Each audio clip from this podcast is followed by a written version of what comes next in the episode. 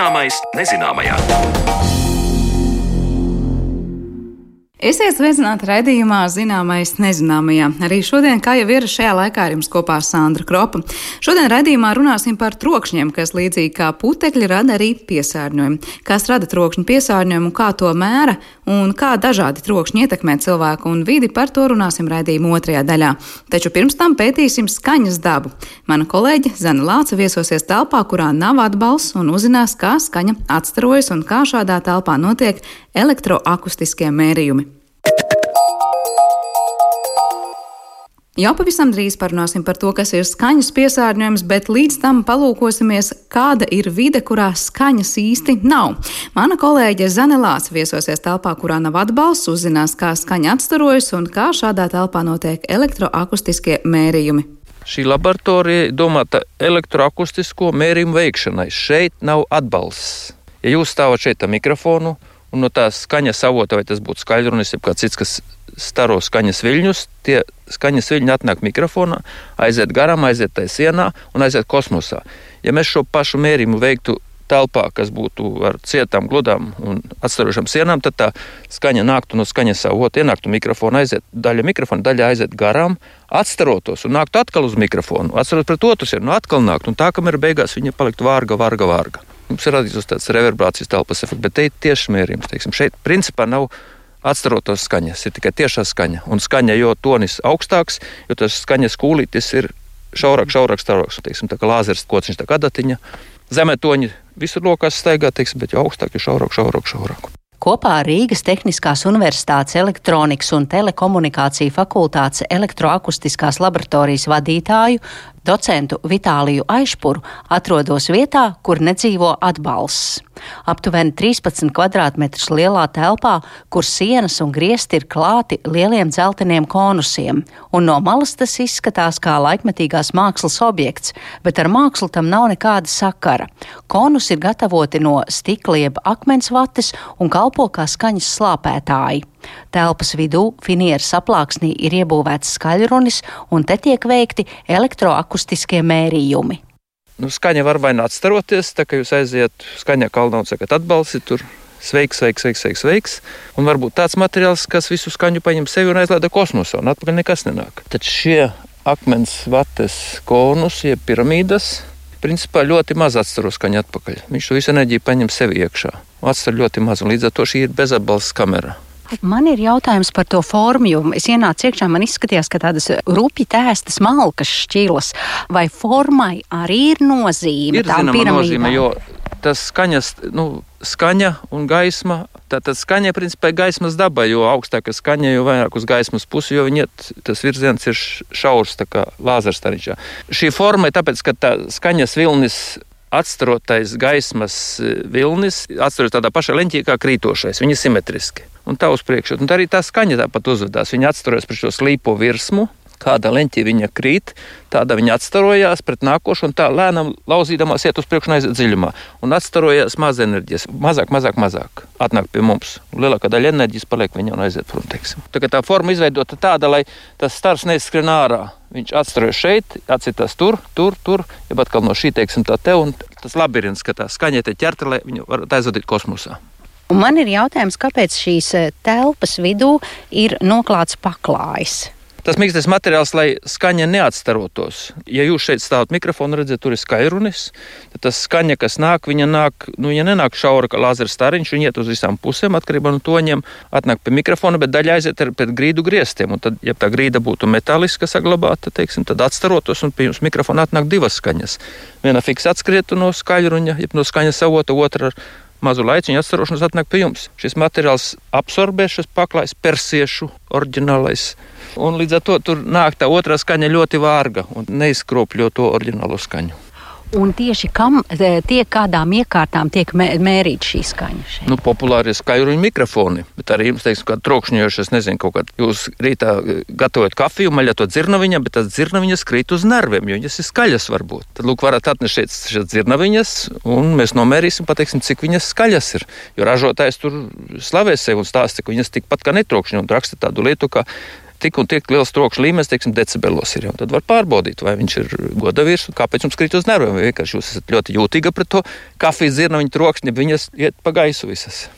Nu, tagad, lai arī klausītāji dzird, mēs iziesim no šīs eh, laboratorijas ārā. Bet, redzat, jau mēs teiksim, durvis. Ja mēs aizveram, jau tagad ir viena skaņa. Nu, jūs, Jā, un kas runās, parādās kaut kāds ir... telpai, skaņai parādās telpa, telpa, telpa, telpa. Jau skaņa kļūst telpiska. Kaut kas jau atstājas. Tās durvis ir biezas, nu, ne, metrs nebūs. Pusmetrs. Un tagad mēs jau ejam ārā, un Jā. E, gan es, gan radioklausītāji dzirdam, kā tā skaņa mēs ienākam. Jā. Jā. Skaņai parādījās telpa. Ir, jā, jā. uzreiz ir nav viņa atbalsts. tukša, sausa vai nu, plika. Nav. Bet šeit arī par radio parādīt nevar, bet es varu apstāstīt, ka te ir daži dažādi skaļruņi, te ir tumbas un iekārtas, ierīces, ar kurām mēra skaņu. Skaņu Jā. un kā skaņam iedarbojas dažādiem materiāliem ar vidi. Šī iekārta, teiksim, ar kuras palīdzību mēs varam nomērīt, kā dažādi materiāli atstaro, jeb absorbē uzņem sevi skaņu. Un tad, kad mēs beigās gribam būvēt vai nu baznīcu, vai deju zāli, vai lekciju telpu, mums ir zināms ieteikts rekomendējamais šis reverberācijas skaņas dzīvošanas laiks. Un tad izmantojot attiecīgus materiālus, lai nu mēs šo teiksim, reverberāciju pastiprinātu, jeb slāpētu. Jūs pieminējāt materiālu. Tur bija eh, stikla, jeb akmens vate. Cik liela nozīme ir materiālam? Kā, tā, kā tas iedarbojas uz skaņu? Kurš ir tas materiāls, kas vislabāk vada skaņu? Visi tie, kas skan. Metāls, stikls. Tie, kas sev padauziet, patestiet, jo augstāks tonis, viņš labāk vada. Teiks. Un par šo materiālu. Jā, viņš principā nevada, viņš ņem visu sevī. Mm -hmm. Skatot, kādi vēl skaņas mērīšanas instrumenti ir redzami elektroakustiskajā laboratorijā, Vitālijas aizpurs parāda tādu kā sendienu ūdenslīdēju ķiveri, bumbu, kurai visapkārt ir piestiprināti skaļruņi. Dodekatrs Principā tas ir nosacīts punktveida skaņas avots. Kā es teicu, ka nu, zemē toņi, tāpat kā uguns un ūdens vienmēr ceļu atrod, ka jums mājās, teiksim, mājas kinozāle, tad zemo toņu skaļrunis, tas basu, jeb superbasu var atrasties jebkurā vietā, viņš vienalga līdz auzi atnāks. Ja jūs gribat dzirdēt labi augstos toņus vidējos, tad pēc iespējas vairāk skaļruņu skatās uz mums, uz to klausītāju. Nu, lūk, šai bumbai ir 12 skaļruņi. Ja mēs ieliekam viņu geometriskā telpas vidū un uz viņu aiziedam vienu impulsu, un visur, kur saliekam mikrofonus, tad no šīs bumbas skaņa uz visām pusēm iet vienādi, sfēriski viļņi. Lielāka, lielāka, lielāka bumba. Un tad ar šiem mikrofoniem reizē visus darbinot, mēs varam nomērīt, kurā stūrī, kurā vietā, cik tālu tā skaņa atnākusi, cik liela zemē, cik augsta vai toņa. Teiksim, tāda analizēt. Jā, tā šis ir kā, nu, punktēta skaņas avots. Jo skaļi noliekam, viņš staro tai virzienā, bet nestaro uz otru pusi, ja tā skan elektrība. Šis staro uz visām pusēm. Un tad droši vien arī nu, tādus kā mikrofons, kā man ir rokā, arī lai uzbūvētu pareizi mikrofons dažādiem nu, jā. skaņu ierakstiem, arī nāk un testē un, jā, un inženieri jā, lai kalibrē un skatās, teiksim, mēs varam tam mikrofonu raksturu uzzināt. Ideāls skaļrunis, ideāls mikrofons ir taisns kā līnijā noliktā frekvenču raksturlīkne. Visas toņus vienādi uztver, vienādi atskaņo. Tā dabā nenotiek. Un tad visādām metodēm, inženieriskām, zinātniskām, kompensē teiksim, tos piecēlumus, jeb iekritumus. Ja. Tad šeit var mērīt gan mikrofona raksturlīkni, kā viņš zemos toņus jūt, kā vidējos, kā augstos, un tāpat arī skaļrumu. Vienu otru savietot, beigās dabūjam taisnu līkni, var izkoriģēt. Kā jau Vitālijas aizpurs teica, tad skaņai piemīt gaismas daba, un tas arī izskaidro to, ka fizikā pastāv skaņas iedalījumi pēc krāsu spektra. Par visbiežāk dzirdēto jēdzienu baltais troksnis lūdzu arī Vitālija aizpura skaidrojumu. Kad visi toņi skan reizē, gan zemie, gan augstie, un apmēram vienādi skaļi. Tas tā populāri zinātniski. Tad, tad tas spektrs baltam tos no, noteiksim, tur viena herca līdz augstiem, augstiem herciem, bet visas šīs svārstības apmēram vidēji vienādu skaļumu. Un ir tad rozā troksnis, kas savukārt jo augstāki toņi, jo viņš paliek it kā vājāks, vārgāks. Tad ilustrācija. Aiziet jūras krastā, šalts jūra, vējš pūš, mēs šalts, lielie putni, dzied, jeb, klaigā, mazie putni. Un šis viss kopā veidos apmēram balto troksni. Tad, tad tur zemē augstie toņi, visi un vidēji, un visi apmēram vienādi skaļi. Un te jūs sakat, pēkšņi, ej, jūs sīkie putni klusu, un tad tie augstie toņi, tā čiepstēšana it kā pazudīs. Tad paliks atkal tas vējš, varbūt tā jūra ar lēnām viļņu bangām, un tas būs tas rozā troksnis. Tad, ja tā bildīt taisās, tad baltais troksnis ir taisna līnija, pa visu toņu diapazonu, un rozā troksnis iet tā, jo augstāks tonis, jo it kā krīt uz leju tur. Par skaņas mērījumiem stāstīja Rīgas Tehniskās Universitātes elektronikas un telekomunikāciju fakultātes elektroakustikas laboratorijas vadītājs docents Vitālijas Aišpurs, un ar viņu sarunājās mana kolēģe Zane Lāce. Bet raidījuma turpinājumā mēs šeit parunāsim par to, kas ir trokšņi un kā veidojas skaņas piesārņojums.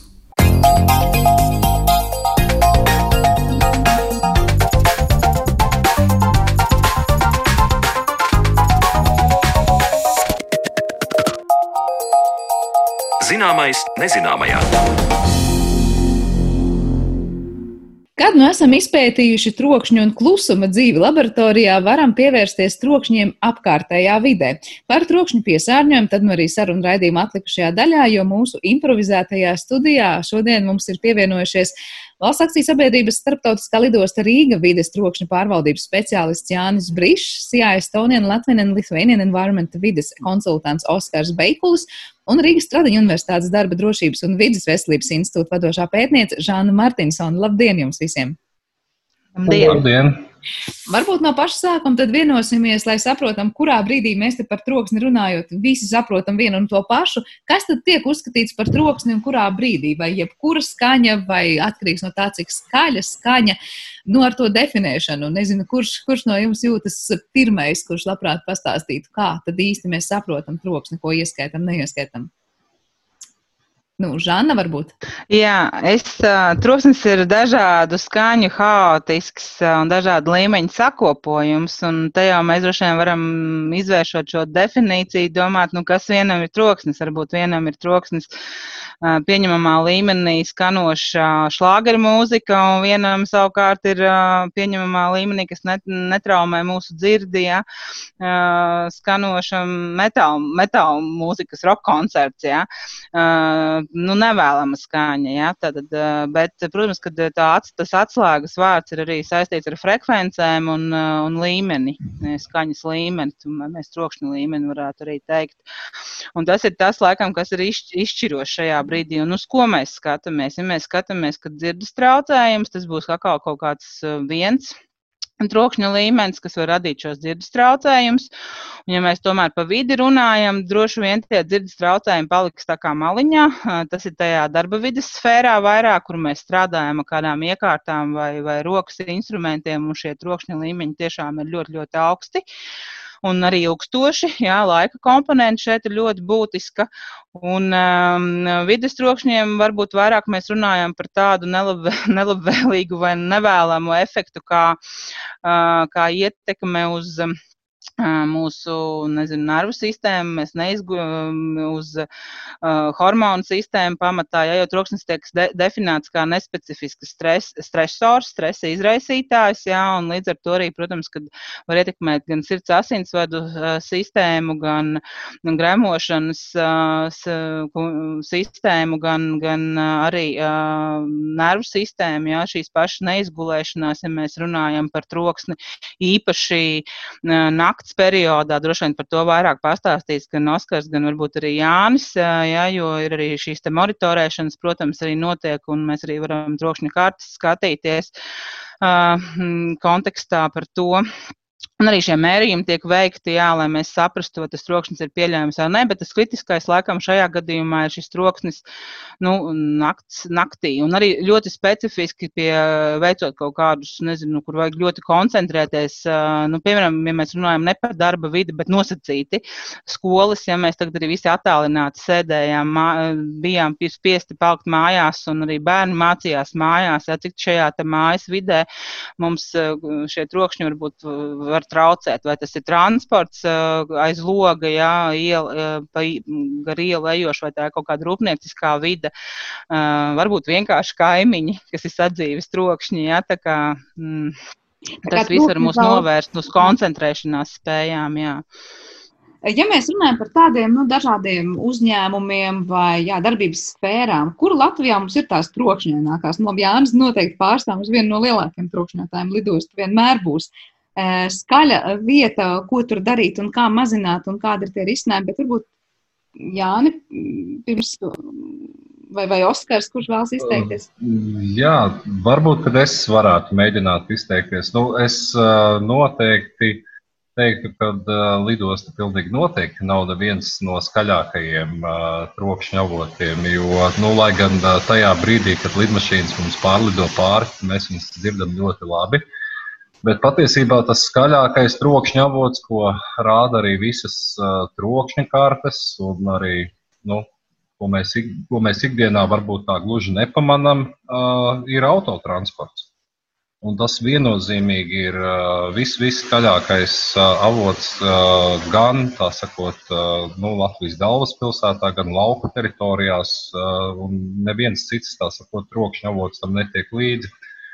Protams, kad ir atšķirības to, cik skaļš ir, nu, cik viens vai otrs avots var būt skaļš kaut kādā noteiktā brīdī. Tad, nu, ja mēs skatāmies kaut vai nezinu, kaut kāds salūts 18. novembra vakarā, nu, arī ir gana skaļš pasākums. Bet, ja mēs par, runājam par troksni un tīri par to ietekmi uz veselību, tad tie atsevišķie notikumi līdz brīdim, kamēr viņi nesasniedz tādus līmeņus, kas kaitē cilvēka dzirdēji, tad tie noteikti nu, nav uzskatāmi par būtiskāko. Svarīgi ir tie, tie, tieši tie vidējie trokšņa rādītāji. Varbūt viens skaļš notikums, un tas mums nekādu lielu ļaunumu nenodarīs, bet savukārt dzīvot skaļā vietā, kaut vai nezinu, Rīgas pilsētā uz brīvības ielas vai pie kādas šoseis.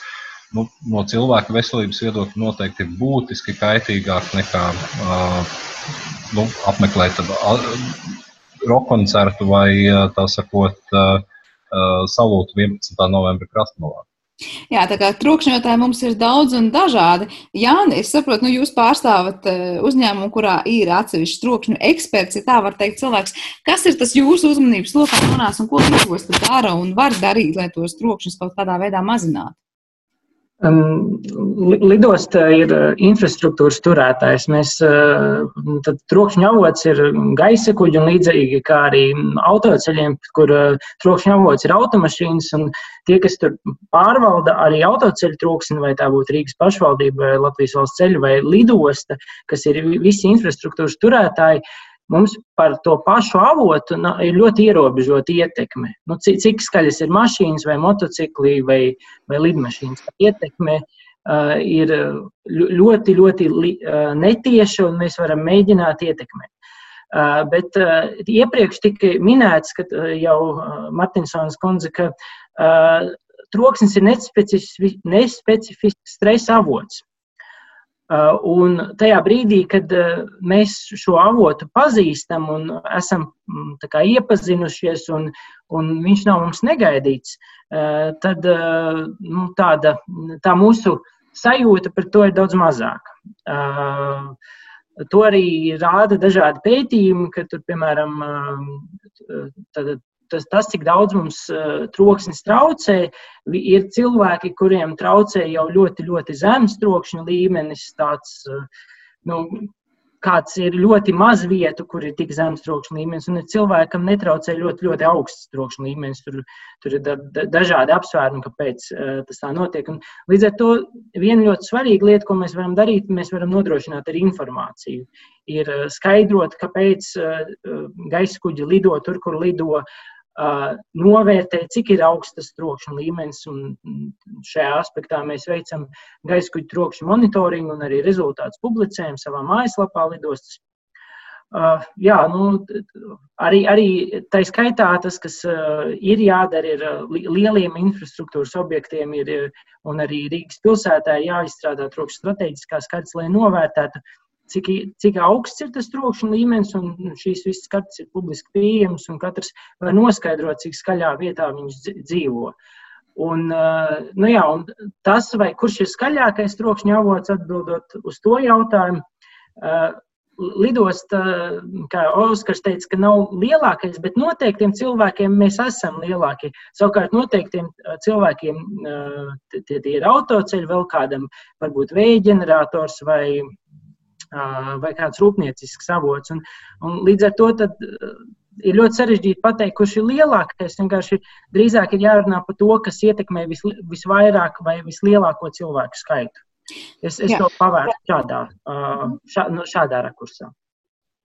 Ja kādam tikko bija kas piebilstams, laikam, Žāna vai? Jā, es, jā, es gribēju vienkārši vēl piebilst, pilnīgi piekrītu, kad jāstāsta no situācijas, un te vēl dzelzceļš ir viens moments, kas arī var kādam būt ļoti, ļoti būtisks trokšņa, trokšņa avots, un, un varbūt papildinot to, ko jau minēja Jānis, un varbūt arī vēl pieminēt var Oskars, ka par rokšņu kartes arī ļoti būtisks plā, lai plānotu tālāk pilsētu un teritoriju attīstību. Ja, ņemot vērā, ka tur tas dzelzceļš vienmēr būs, tad, uh, vai arī šie, šie maģistrālie ceļi tur tādi būs, ja, tad arī, ja arī šīs uh, kaut kādas šīs būvniecības ir paredzētas, kur būs dzīvojamās vai ASV skolas, vienalga, vai šī rekreācijas zona, ja, tad arī paredzēt kaut kādus šos te pretrokšņa, nezinu, pasākums, ja, vai nu šie ir kaut kādas uh, ēkāms fasāžu izolācija, logu izolācija atbilstoši kas slāpē šīs te, šos apkārtējās vidus trokšņus vai vēl kaut kādi ļoti specifiski tuneļi vai aizsargas sienas. Nu, tad var ļoti daudz dažādu. Droši vien es neesmu tik liels speciālists šajā, bet, eh,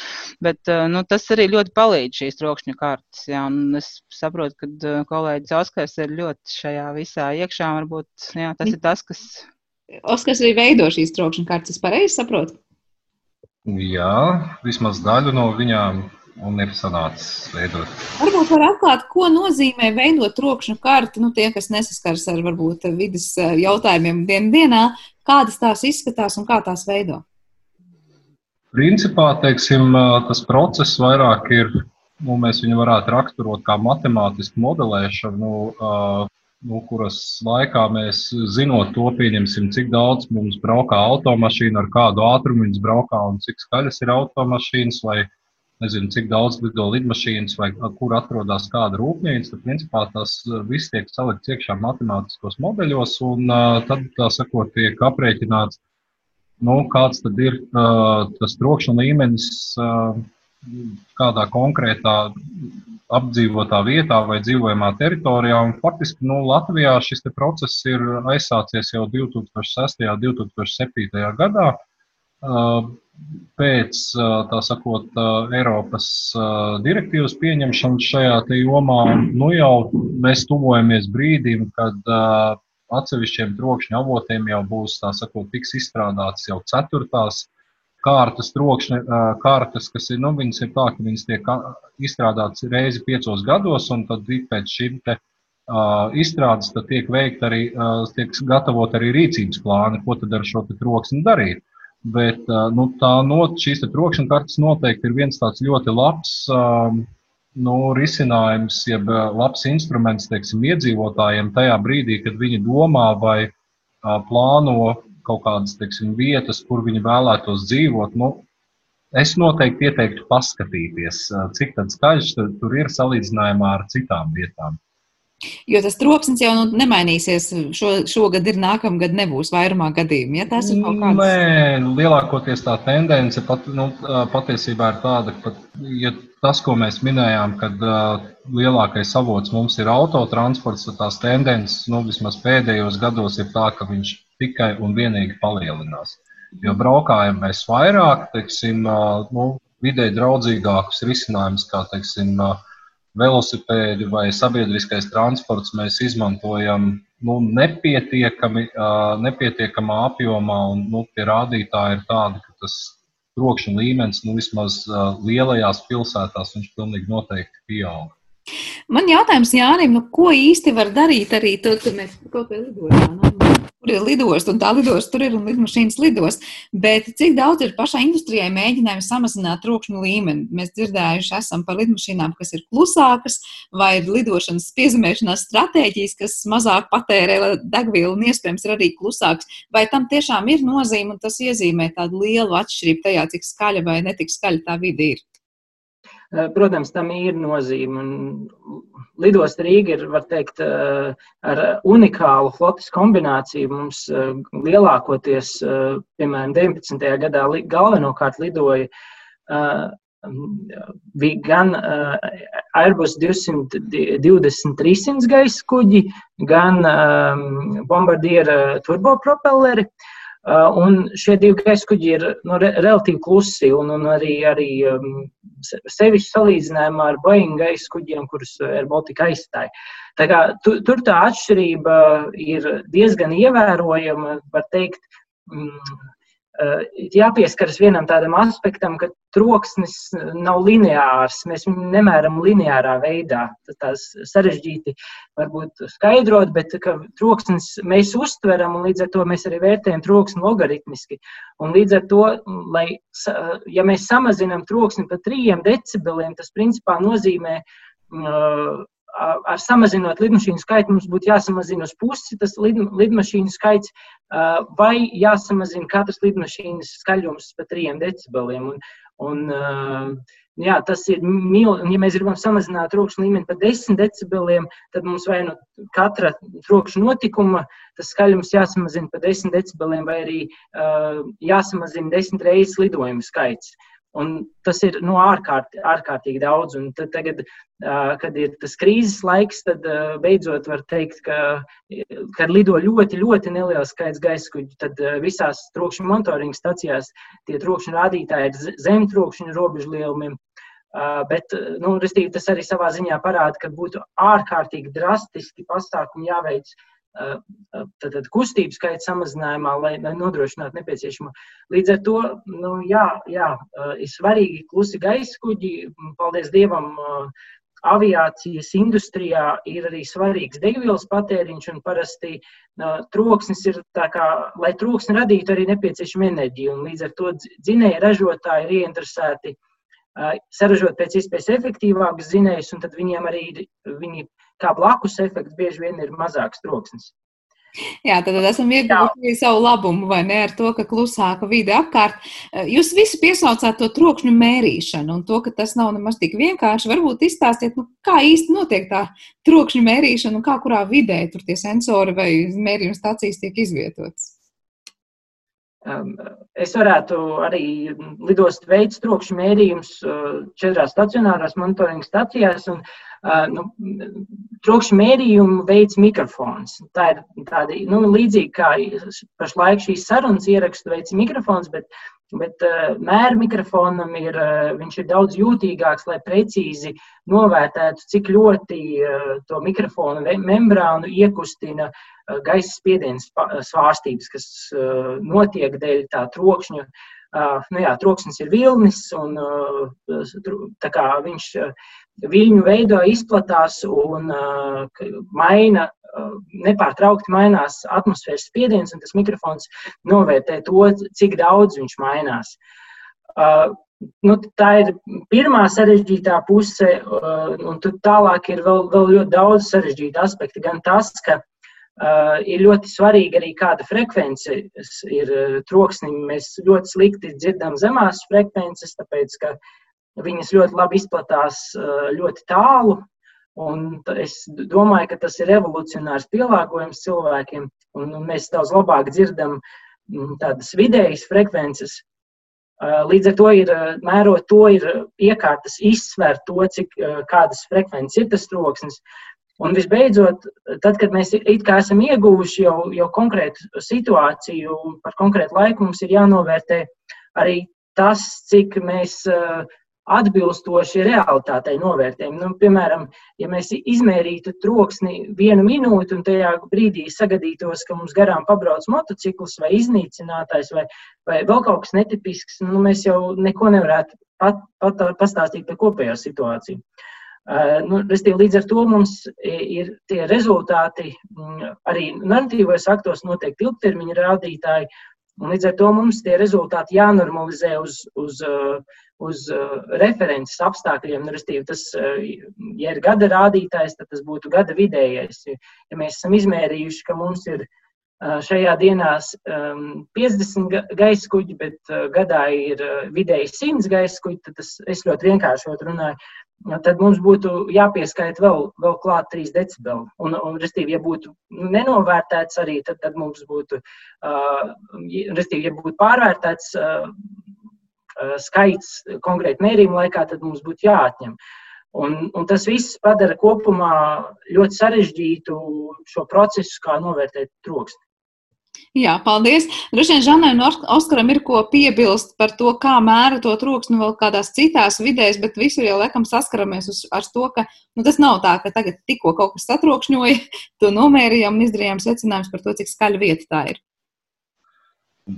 Nu, es varbūt uh, varētu vienkārši papildināt ar, ar, ar, ar tādu lietu, ka uh, nu, tehniski jau, protams, novēri, no, no, nomērīt var jebko, un, uh, bet uh, Mums ir bijusi tā, man liekas, lieliskā pieredze te jau piecus gadus veikt mērījumus priekš veselības inspekcijas. Respektīvi, visus mērījumus, par kuriem kas tiek darīti tajos brīžos, kad Latvijā iedzīvotāji par kaut ko sūdzās, respektīvi par troksni. Un tur ir tā viena paradoxālā situācija, ka bieži vien, teiksim, arī veicot šos te mērījumus, nu, mēs saskaramies ar to situāciju, ka cilvēks sūdzās par to, kas viņam traucē. Nevis par to, kas patiesībā ir nu, skaļš viņa apkārtnē. Un, nu, man liekas, ka vismaz puse no tām sūdzībām, kas Latvijā ikdienā tiek saņemtas, patiesībā ir par kaut kādiem veikalu ventilatoriem, saldēšanas iekārtām, kondicionieriem un kaut ko tamlīdzīgu.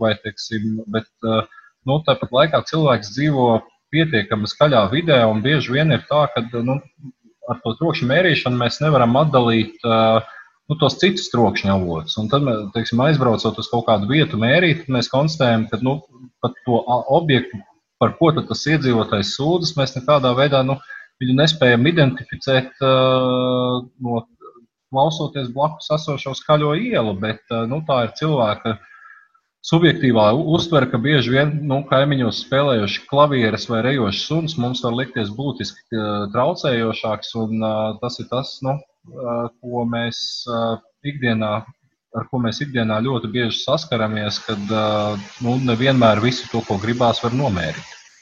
Jā, tas ir interesants paradoks, ka cilvēki arī nereti sūdzas pilsētās par putniem un par no rīta kājām, kas pārāk skaļi uzvedās, bet tāpat laikā uh, Nesaku, varbūt tā braucām, brau, garām braucošā mašīna ir, ir traucējoša. Tas, laikam, arī interesanti par to, kādus trokšņus kā mēs definējam un uztveram.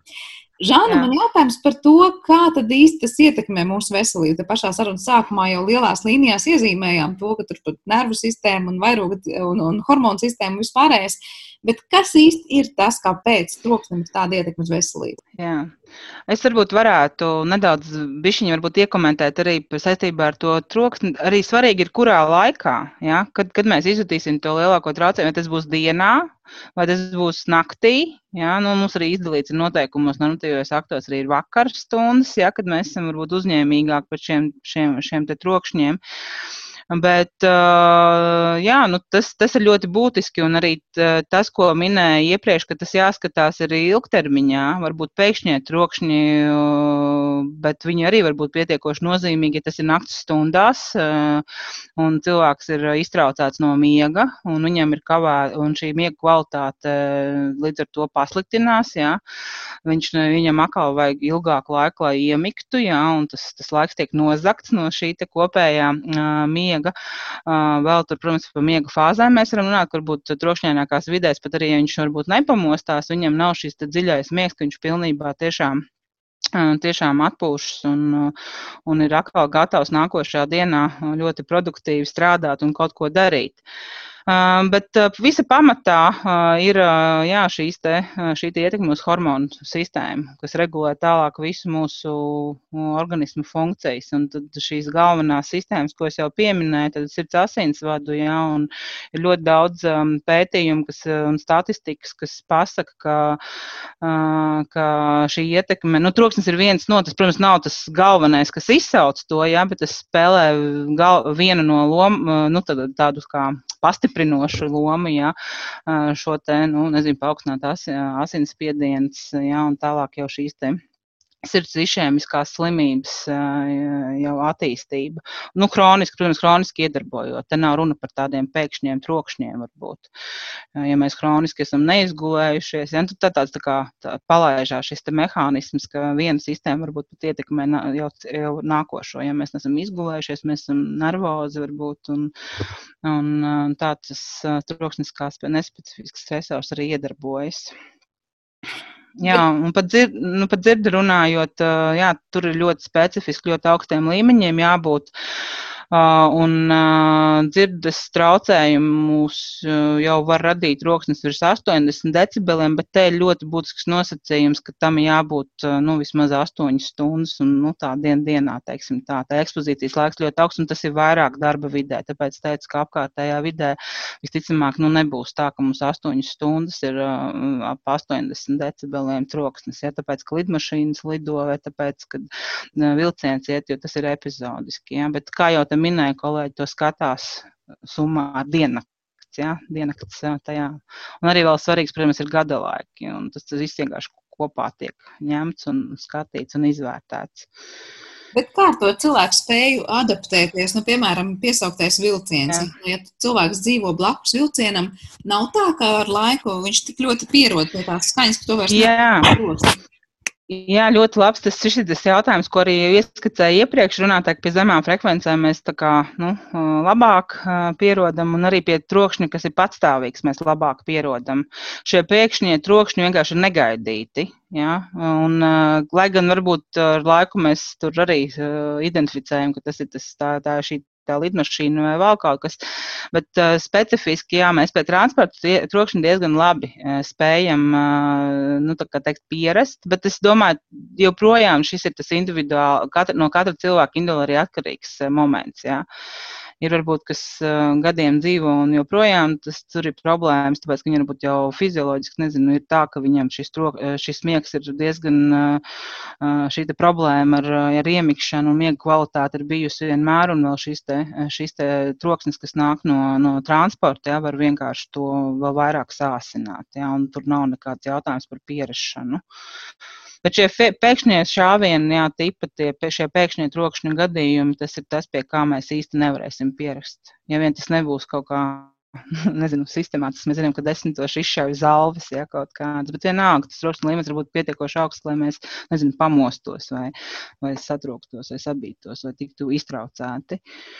Ja mēs runājam par trokšņa piesārņojumu, tad mēs pārsvarā runājam par šīm te, no, tām pastāvīgajām vai nepiesārņojuma avotiem vai pārāk skaļām par, par, sistēmām. Par, par pastāvīgiem, jā. Uh -huh. uh, cik vispār sen mēs runājam par tādu lietu kā trokšņa piesārņojums? Tas ir tāda pēdējo gadu, var teikt, prasība vai vispār vēlme aizdomāties par lietām, kam agrāk nepievērs uzmanību, vai par trokšņa piesārņojumu patiesībā ir domāts jau sen? vidas nu, jautājumu var, kontekstā. Jā, varbūt uh, es šeit varētu iestarpināt uh, komentāru, ka principā, mēs par šo jautājumu savulaik uh, skatījāmies, cik vispār uh, sen šie jautājumi ir regulēti. Faktiski jau skatoties kaut kādu normatīvo regulējumu, nu ne Latvijā, bet uh, jau kopš senās Romas laikiem mēs spējam atrast regulējumu, kuros ir pateikts, ka par Romu nedrīkstēja braukt ar apkaltiem riteņiem naktas laikā, lai netraucētu romiešu miegu.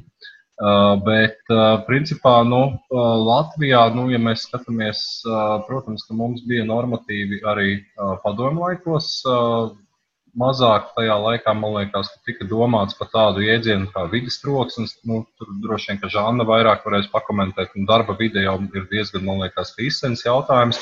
Bet uh, faktiski nu, par vidas troksni kā tādu uh, lielā mērā mēs uh, runājam par šo gadsimtu, nu, pēc būtības par pēdējiem 20, 30 gadiem, kas uh, manā skatījumā nu, ir nedaudz saistīts ar to, ka uh, šis, šajā laika periodā faktiski šī problēma pēc būtības ir apzināta kā, tā, kā tāda. Ja, teiksim, to ir devusi iespēja teiksim, gan šīs te, uh, datortehnoloģijas attiecībā uz modelēšanu un, tā, un teiksim, novērtēšanu, ka mēs spējam saprast, ka tā nu, patiešām ir viena no uh, uh, vidas problēmām.